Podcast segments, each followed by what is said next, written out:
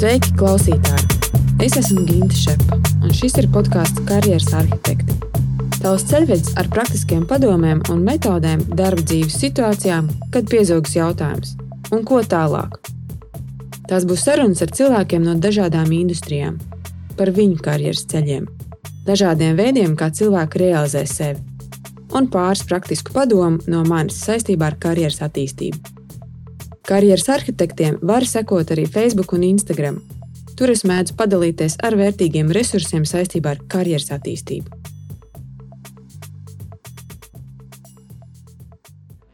Te nu mēs esam, vecgadam uz sliekšņa.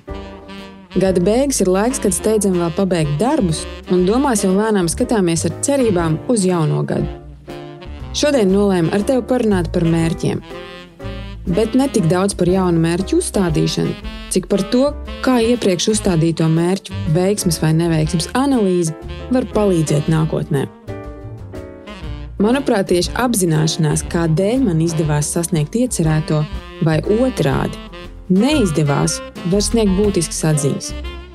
Starp citu, ja nu tauta gada mērķi ir saistīti ar profesionālo izaugsmi, tad varbūt tev var noderēt praktiska darbnīca dizaina domāšana karjeras attīstībai, ko vadīšu sadarbībā ar žurnālu IR 11. februārī. Darbnīcā runāsim par to, kas ietekmē mūsu karjeru gan par ārējo, gan personīgo kontekstu. Ieskatīsimies nākotnes darba tirgus tendencēs, un pati esence būs kā praktiski izmantot dizaina domāšanu tavā konkrētajā karjeras situācijā, ko vēlēsies atrisināt. Nu, piemēram, Ja vēlēsies izplānot savu nākamo soli karjerā, vai jūties iestrēdzis ar to, kur esi šobrīd, vai vēlēsies nomainīt profesiju pavisam uz kaut ko citu. Un noteikti noderēs arī tiem, kas šobrīd ir bez darba, bet vēlas izplānot darba atrašanās stratēģiju. Vairāk informācijas meklē ir mājaslapā sadaļā Darbnīcas. Runājot par mērķiem, Pati esmu daudz eksperimentējusi, un šķiet, joprojām esmu procesā īstās receptes izveidošanā, kas man palīdz sasniegt mērķus. Kā daudziem, arī man ir bijis to-do saraksts ar, ar lietām, ko gribu paveikt nākamajā gadā.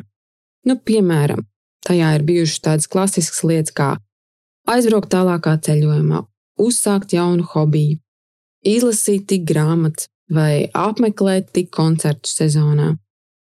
Ir bijušas klasiskas apņemšanās vairāk sportot, ieturēt diētu, mazāk ēst to vai šo, un liela daļa no tā visa ir aizmirsies vai izbeidzies laika gaitā.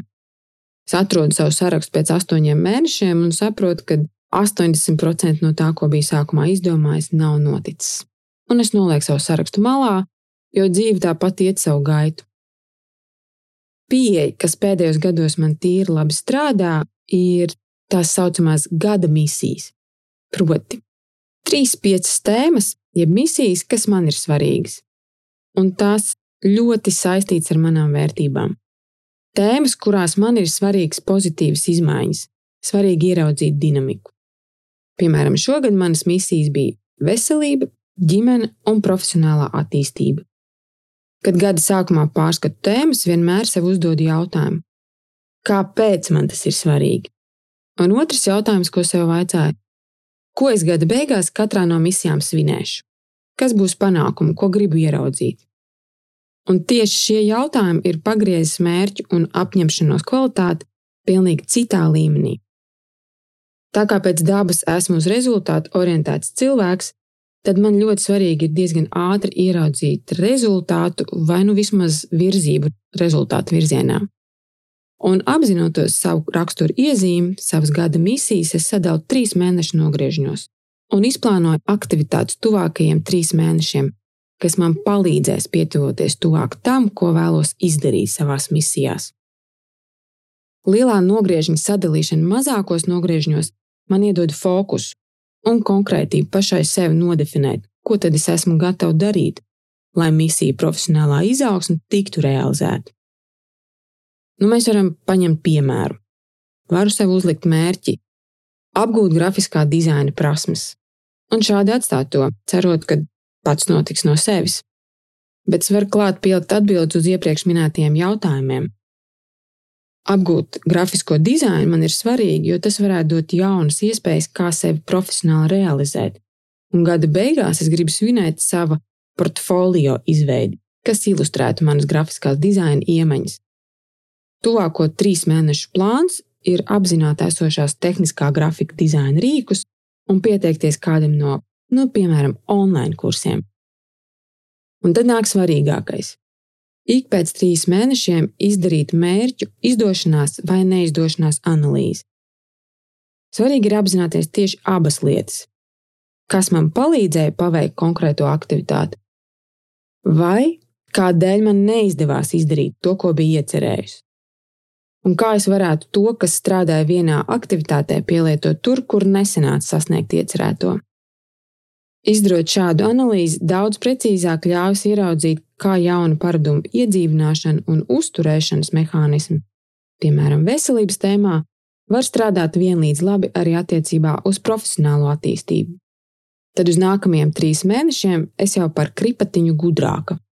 Jeb īstais vārds šeit būtu vairāk apzinājusies, kas būtu jāpamaina manā pieejā, nevis jāmet nost apņemšanās un jādomā kaut kas jauns. Pagājušo nedēļu apsēdos un caurskatīju savas misijas gada griezumā.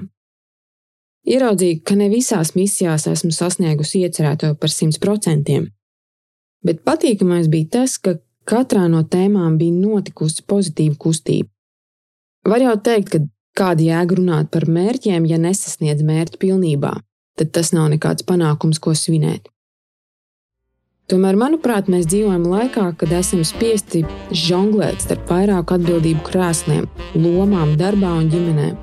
No mums ārēji apstākļi prasa 100% atdevi. Un, ja tev ir izdevies šajā gaismas ātruma skrējienā izdarīt iecerēto kaut vienā sev personīgā tēmā, tev nav iemesls sevi šausmīt, bet tieši otrādi būt gandarītam. Plus, ja es ieraudzīšu kaut ko jaunu par sevi, Arī apzināšanās ir liela dāvana.